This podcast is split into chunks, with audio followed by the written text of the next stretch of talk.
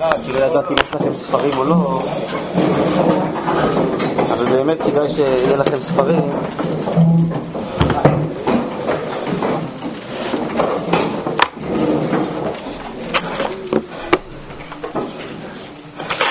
טוב, אני אה,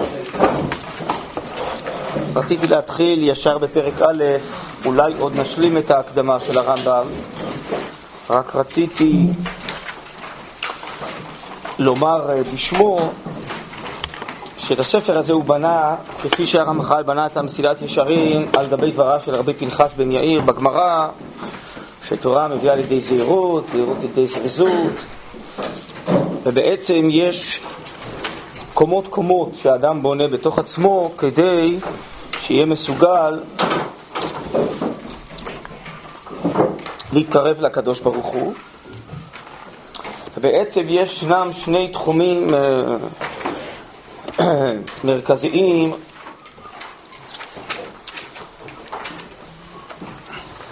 בקודש, מלבד לימוד אה, סוגיות הגמרא, מה שנקרא גופי תורה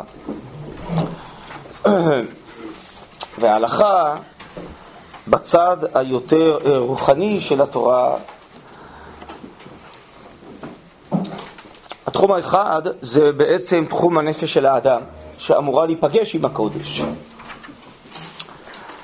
ואם האדם שקוע בגסות, אה, בתאוות, ביצרים, אז זה קשה לו להיפגש עם הקדושה האלוקית. כיוון שתורה זה לא רק ידע כמו בחוכמות חול, זה חיים אלוקיים. שמופיעים דרך חוכמת הקודש, דרך אותיות הקודש, אבל הם מביאים, אה, האותיות הללו מביאות עימם שפע רוחני מאוד גדול לאדם, לאומה, לעולם. ואם האדם אה, איננו מתוקן במידותיו, איננו מספיק מזוכח ומטוהר, קשה לו לקלוט את כל השפע הרוחני הזה.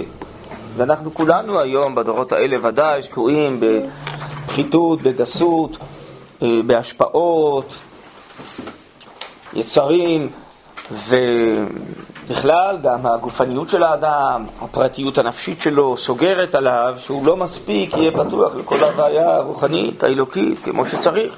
לכן כל החיים בלי נדר צריך להמשיך לעבוד על תיקון המידות והישרתם ופתיחת הנפש לקראת ההוויה הרוחנית, ככה הרב קוק באורות התשובה קורא לזה, העוונות, המעשיים ותכונות הנפש, זה מסך המבדיל בין האדם לבין ההוויה הרוחנית, בעצם לא צריך להגיע לרב קוק, זה מופיע כאן בפרק שביעי, שהרמב"ם כאן בחיבור הזה עוסק בנבואה, והוא אומר שההשגות של הנביאים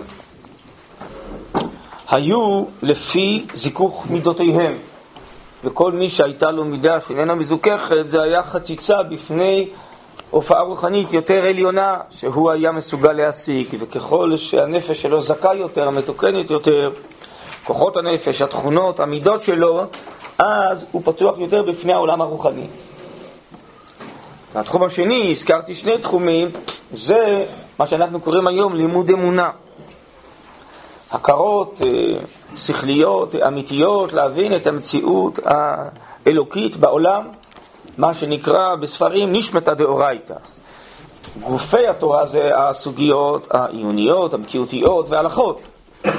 נשמת התורה זה כל השפע הרוחני שאמור להופיע בעולם דרך התורה והמצוות, דרך עם ישראל, דרך ארץ ישראל.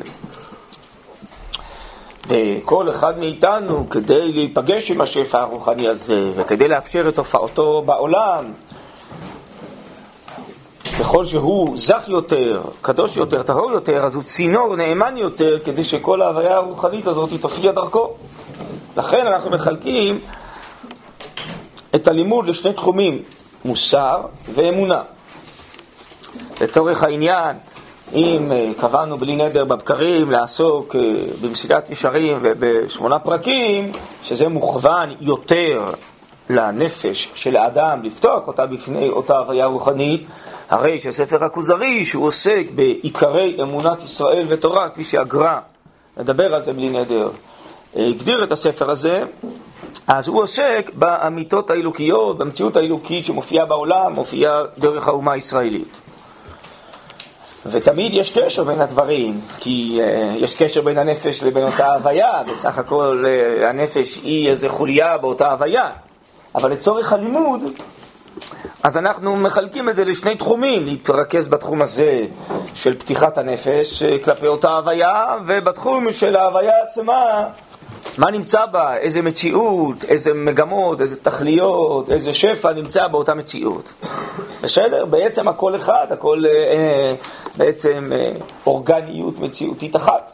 אבל לצורך הלימוד אנחנו, ואותו דבר אולי עוד אפשר להעיר, שאפילו כאן, בפרק הזה הראשון, הרמב"ם מדבר על כוחות הנפש של האדם, הוא ידבר על חמישה כוחות, וכוח ההרגשה, וכוח הדמיון, וכוח השכל. אז שוב פעם, זאת חלוקה לצורך לימודי, כאילו כל כוח הוא בפני עצמו. אבל הרמב"ם עצמו יסביר שכל הכוחות האלה הם בעצם הוויה אחת, והם uh, לגמרי uh, מאוחדים בתוך האדם. אבל מבחינה לימודית, עכשיו נתרכז בהופעה הזאת, ביכולת הזאת, אחרי זה ביכולת אחרת, כדי לראות מה כל אחת תפקידה ואיך אפשר לזכך אותה, לפתוח אותה, להעלות אותה. בסדר? אז אנחנו מנסים ללמוד כפי יכולתנו על המציאות הזאת האורגנית, אם מהצד הנפשי הפרטי שלנו, ואם מהצד הכללי, הלאומי, האלוקי, כפי שזה מופיע במציאות.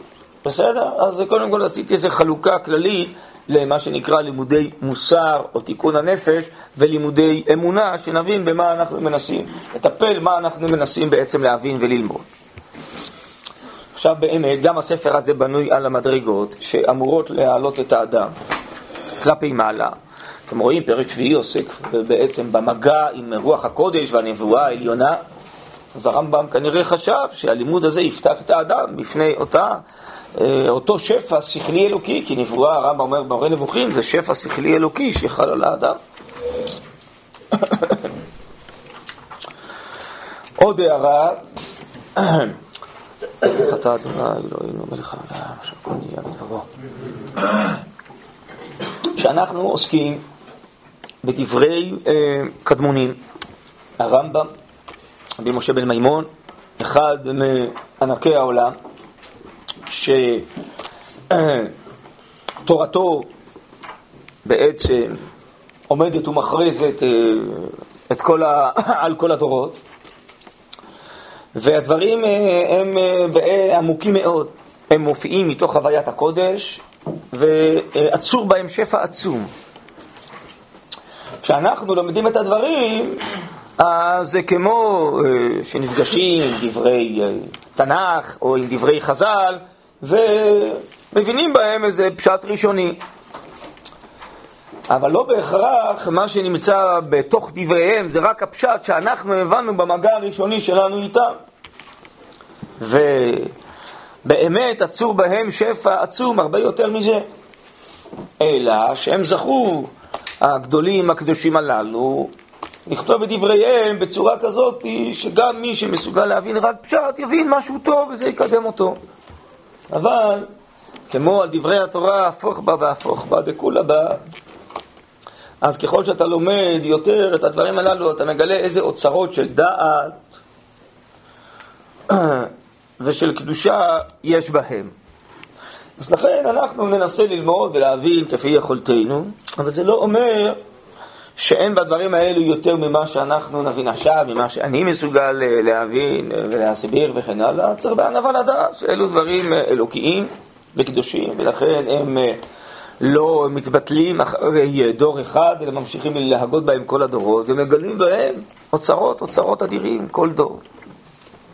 אז באמת, יש כאלה גדולים מיוחדים שככה הם זכו, ועם ישראל לומד אותם כל הדורות, גם את דבריהם שבהלכה, גם דבריהם שבהגדה או במוסר. אז ודאי הרמב"ם הוא אחד מהענקים הללו. אז אה, לא אה, בהכרח גם כן אנחנו אה, חייבים תמיד להבין את הכל. אפשר לומר שגם לא הבנו. גם זה, יש לדעת שלא יודעים, זה גם ידיעה חשובה. לא לצפתות ולגמד את הכל לכזית מוח הקטן שלנו, ורק בשביל להיות מרוצים ולהרגיש טוב שהבנו. לפעמים הדברים כל כך עמוקים וגדולים, ולא הבנו. אבל שוב אני אומר, הדברים קצת מטעים, שמכיוון שהם אה, כתובים בשפה גם כל כך פשוטה, אתה משוכנע שהבנת הכל. אולי בדומה לזה רש"י, שאתה קראת רש"י, וכל אחד מבין רש"י, גם ילד קטן, אבל אה, כל כך הרבה פירושים נכתבו, נגיד על רש"י, על התורה, ורובם על דרך הסוד בכלל. אז לכן, אנחנו לא נתפתה לחשוב שאנחנו מבינים פה את הכל, אבל אנחנו משתדלים, אנחנו מנסים ככה, נעים כלפי מעלה, והרי בכלל כל הספר הזה זה תנועה כלפי מעלה. אז אה, אנחנו בכל התורה כולה, מעלים בקודש, אנחנו משתדלים.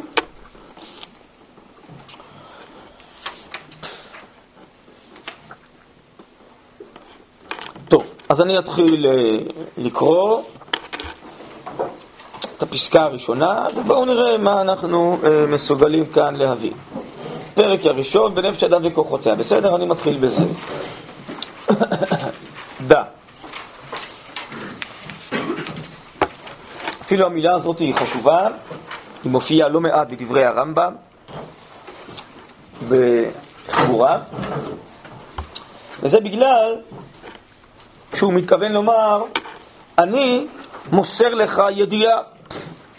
משה קיבל תורה מסיני ומסרה ליהושע. אנחנו תורה לא ממציאים. זה לא איזה חוכמה אנושית או מדע בדיוני. אנחנו קיבלנו בענווה נבואה מן השמיים, ולאחר מכן רוח הקודש על חכמי ישראל לכתוב דבריהם, ואותו דבר הראשונים, הקדמונים, מוסרי התורה מדור לדור, מעבירים לך את הידיעות. אלא מה? שהרמב"ם ליקט את הידיעות האלה ממה שמופיע בתנ"ך, מה שמופיע בחז"ל, והוא מסדר לנו ספר. לרכז, כן, כמו שהוא עשה ביד החזקה, שהוא ליקט מהש"ס, כל מה שקשור לדיני טוען ונטען, לדיני סנהדרין וכן הלאה במקום אחד. אבל הוא לא ממציא דבר חדש. הוא רק מלאכה היא ואינה חוכמה, הוא מרכז את זה במקום אחד. אז גם פה הוא כותב בהקדמה שהוא לא ממציא דברים, אלא הוא מרכז אותם אלי, לפנינו בצורה מסודרת, שיהיה יותר קל ללמוד. אז גם בענייני אמונה או בענייני מוסר, הרמב"ם עושה את זה, והוא מסכים, פירוש המשנה שלו, שכשהוא יגיע לענייני אמונה הוא יעריך בהם, כי זה יסוד שכל התורה עומדת על זה, ענייני אמונה. וגם פה זה חיבור, שענייני מוסר.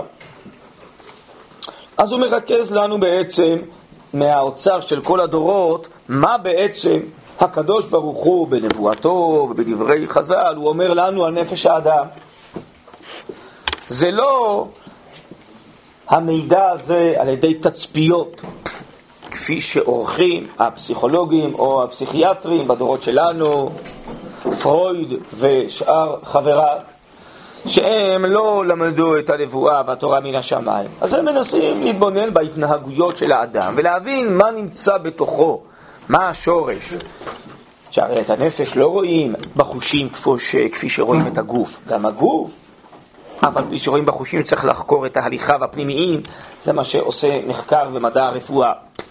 אבל רפואת הנפש, מדע הנפש, זה עוד יותר עמוק, סודי, מסובך ומורכב. אז אנחנו יודעים על הנפש מצד הנבואה. וחז"ל, הם יגלו לנו מה יש בנפש. למשל, הנבואה גילתה שרוח הבהמה יורדת היא למטה, ורוח אדם עולה היא למעלה בספר קהלת. או בצלם אלוקים עשה את האדם, נכון? מה שקראנו עכשיו בפרשת בראשית. טוב, אנחנו לא רואים את הצלם הזה בעיניים החושיות שלנו. כשאנחנו אומרים לכל יהודי יש נשמה, בבוקר אנחנו מברכים, אלוקיי נשמה שנתת בי טהורה היא. מאיפה אנחנו יודעים שיש לאדם נשמה? זה מהנבואה, זה מהתורה, נכון? אז אנחנו, את הידיעות שלנו, אומר הרמב"ם, יודעים ממה שקיבלנו. זה כלול במשה קיבל תורה מסיני. אז לכן הוא אומר, דע, אני מעביר לך ידיעה. זה תפקיד הרבנים, תלמידי החכמים, להעביר את התורה לדורות הבאים. טוב, כל אחד מעביר כפי אה, שפת דיבורו וסגנונו.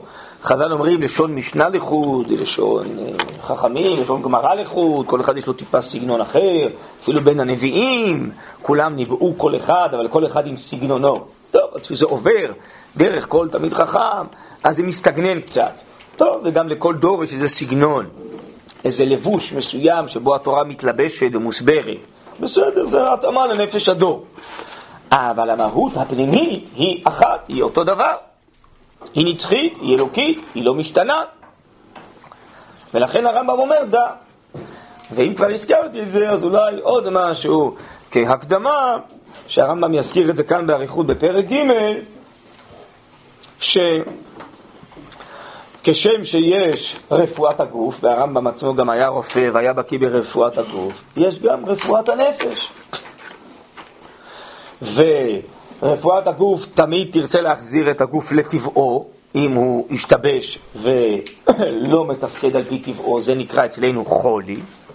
אותו דבר, גם הנפש צריך להחזיר אותה לטבעה, אם היא השתבשה. כל המידות, יגיד הרמב"ם המגונות, זה חולי של הנפש. אם אדם הוא גאוותן, אם האדם הוא כעסן, אם האדם הוא פזרן יותר מדי, או פזיז, ואיננו זהיר, אז הוא חולה נפש. טוב, לא במונח באסוציאציה שאנחנו מתכוונים היום, אבל נפשו חולה, כלומר נפשו לא בטבעה. ואיך נדע להגדיר מה זה טבעה? התורה תגדיר. אצלנו הכל מתוך התורה. התורה תגדיר מה הטבע של הנפש. אלוקים עשה את האדם ישר, והם ביקשו חשבונות רבים. יצר הטוב, הנשמה הטהורה זה טבעה של הנפש. היצר הרע, לפתח חטאת רובץ, זה משהו שמפתה, שמוציא אותנו מטבענו. אז ההגדרות שלנו יהיו על פי התורה, לא על פי התצפיות או הסברות האנושיות שלנו. התורה תלמד אותנו מה זה טבע, ומי שידריך את הנפש להחזירה, לטבעה, אלו חכמי הנפשות. מי אלו חכמי הנפשות? הם החכמים. שהם למדו בתורה ויודעים את טיבה של הנפש, ואם הם רואים שנפש מסוימת יצאה מטיבה, הם א', יגידו לה מהו הטבע, למה היא צריכה לשאוף, וב', גם ימצאו לה את הדרכים, כמו שהרמב"ם מציע פה, או בספרים אחרים, איך היא תוכל להתאמן, להתרגל, לעבוד על עצמה, כדי לחזור לטבעה. אבל אנחנו, מתוך המקורות האלוקיים, יודעים שבאדם יש מעמקים אלוקיים עצומים. כתוב בחז"ל, מי שרואה אוכלוסה מישראל, שישים ריבו מישראל, שש מאות אלף איש, מה הוא מברך? ברוך חכם הרזים. הקדוש ברוך הוא בחוכמתו יודע את הרזים, את הסודות של כל הנפשות, ואיך הכל מצטרף לאחדות אחת. כלומר, יש סוד פנימי לכל אדם מישראל, וגם סודו של זה לא כמו סודו של זה, כל אחד יש לו סגנון קצת שונה, רוחניות קצת שונה, שהוא צריך להופיע בעולם, ורק הוא יכול להביא את זה. וכל התורה כולה היא מיועדת, כן, מאור שבא מחזירו למוטב, לימוד תורה לשמה, כדי לעורר את האוצרות הפנימיים שלנו ולחשוף אותם לעינינו. ולהתוודע לעולם הפנימי שלנו, מתוך כך להשפיע ממנו גם לאחרים. אז דווקא התורה והנבואה מגלות לנו שהאדם הוא לא רק חיצוני כזה כפי שהוא נראה, כן, רק איזה גוף, או אפילו קצת איזה מחשבות גלויות, או מידות שכרגע הוא מתנהג בהם. יש דבר רבדים הרבה יותר עמוקים, נאצלים, אלוקיים, שכל חייו האדם הולך וחושף, הולך ומגלה אותם. ואצלנו ביהדות העבודה המרכזית זה העבודה הפנימית, לגלות ולחשוף את עצמיותנו, לא כל הפוזות וההצגות החיצוניות האלה הם יחצנים ומאפרים. אנחנו לא מחזיקים מזה. העיקר זה גילוי האוצרות הפנימיים, ורק הקודש, המגע עם הקודש יכול לעזור לנו לגלות את האוצרות הפנימיים האלו שישנם בתוכנו. אז בעצם הספר הזה בנוי על אותן ידיעות האלוקיות של הפנימיות של הנפש, ואיך אנחנו נגלה את האוצר הפנימי הזה. כשנגלה אותו, אז נחזור יותר ויותר להיות טבעיים, כי הפנימיות שלנו זה באמת מה שאנחנו, אולי בחוץ התרגלנו, נמשכנו אחרי כל מיני מנהגים חברתיים, תרבותיים, לא כולם מוכוונים ומתאימים לטבענו.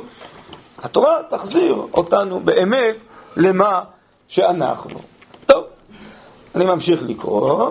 דם. הפרק הזה, כמו שלומדים רפואה, אז לומדים שנתיים ראשונות על מבנה האדם, אחרי זה מתחילים להתמקד באיזה תחום מסוים באדם. גם הפרק הזה הוא מבנה הנפש של האדם מבחינה נפשית רוחנית. זה שאר הפרקים יהיו, טוב, אז איך עוזרים לאדם שיצא מן הטבע לחזור לטבע ולהתרפא וכן הלאה. אבל קודם כל בואו נדע, נדע את המבנה היסודי, את החלקים של האדם, את המהות הפנימית שלו.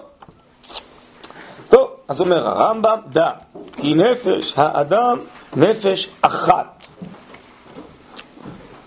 ולה פעולות רבות חלוקות. חלוקות, הכוונה היא שונות.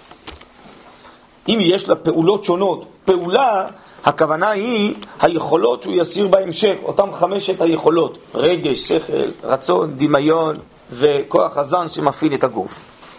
זה נקרא פעולות, לא פעולות פיזיות, כמו שאנחנו רגילים, אלא פעולות נפשיות, יכולות נפשיות. יכולת הרגש היא איננה יכולת השכל, זה יכולת אחרת. אז זה ייקרא כאן ברמב"ם פעולה אחרת, בסדר? אני רק מתרגם. צריך בכל מחבר שיהיה מילון לדעת את תרגום הביטויים שלו, אחרת לא נבין את כוונתו. אז אם כן, דע כי נפש האדם נפש אחת, ולה פעולות רבות, חלוקות, חלוקות הכוונה היא שונות זו מזו. יקראו קצת הפעולות ההם נפשות.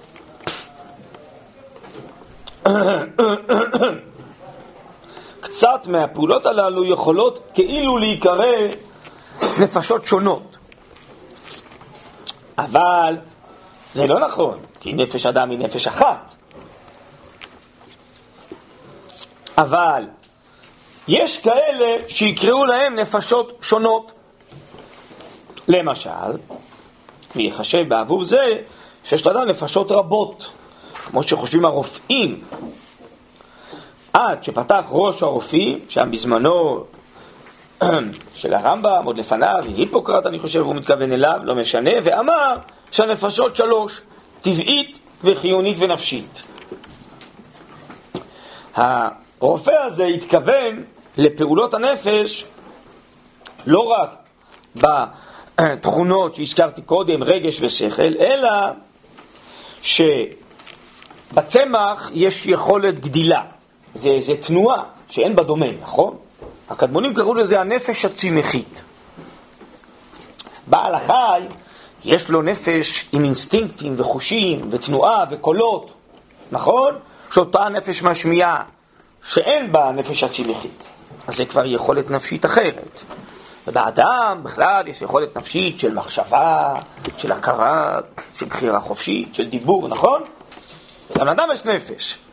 אז הם אמרו, הרי באדם הכל מרוכז, יש לו גם יכולת גדילה והפריה כמו צמח, יש לו גם יכולת חושים ואינסטינקטים ותנועה כמו בעל חי, ויש לו גם יכולת שכלית כמו אדם, אז אולי אפשר לקרוא לזה שיש לו כמה נפשות, שלוש נפשות. טוב, אז זה סגנון דיבור כזה, שאולי מעיד על איזה סגנון של הבנה. אז לפחות הרופאים קראו לזה שלוש נפשות.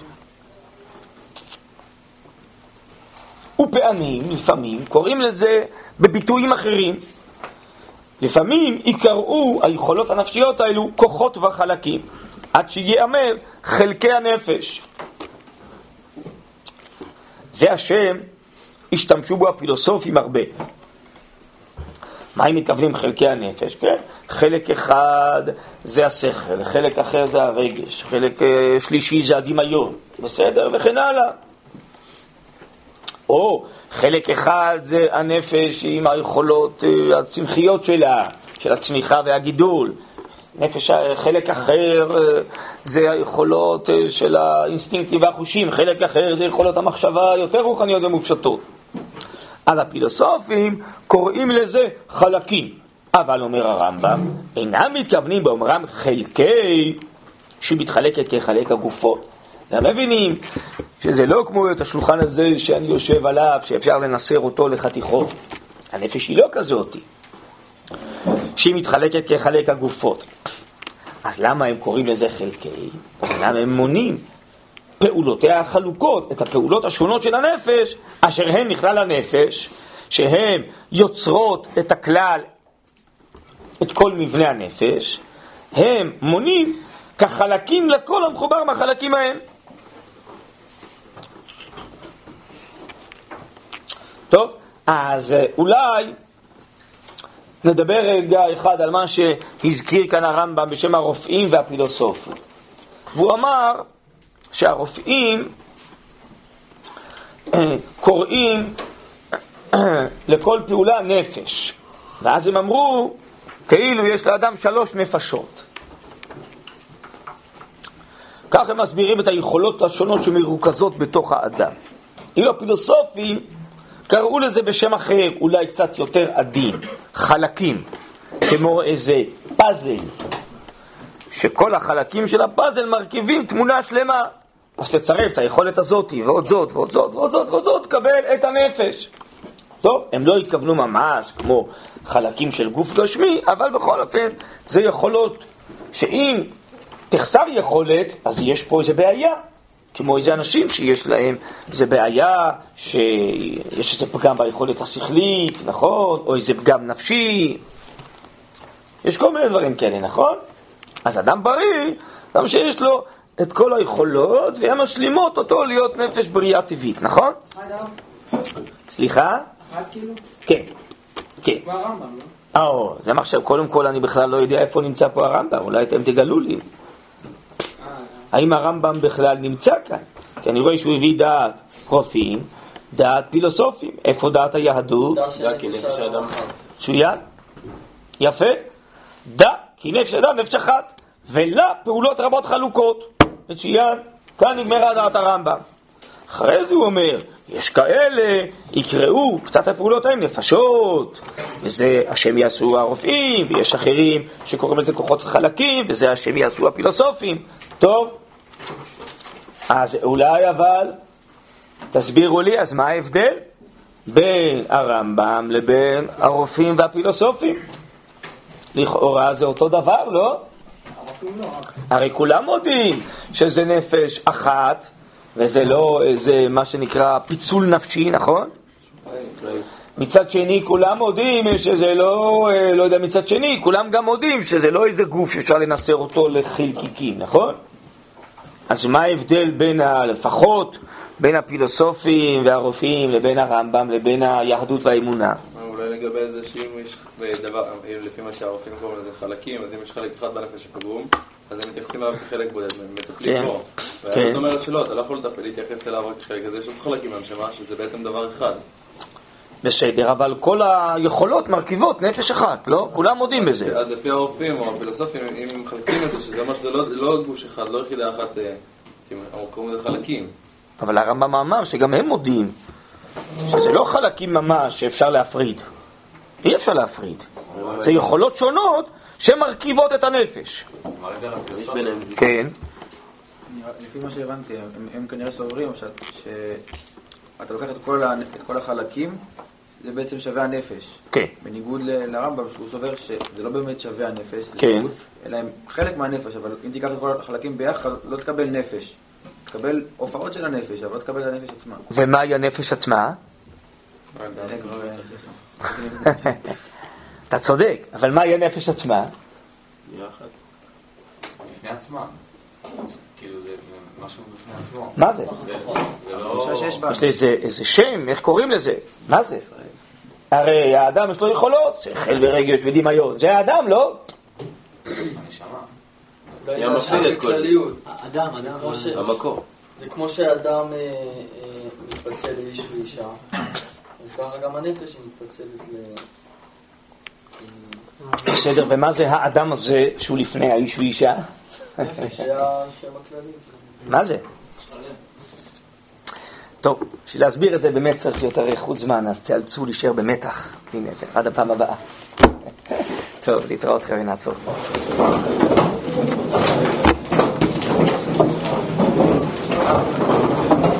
סליחה, היום אה, בערב, שיעור בכוזרי בעזרת השם, אז כתבתי שם שש ורבע, בסדר?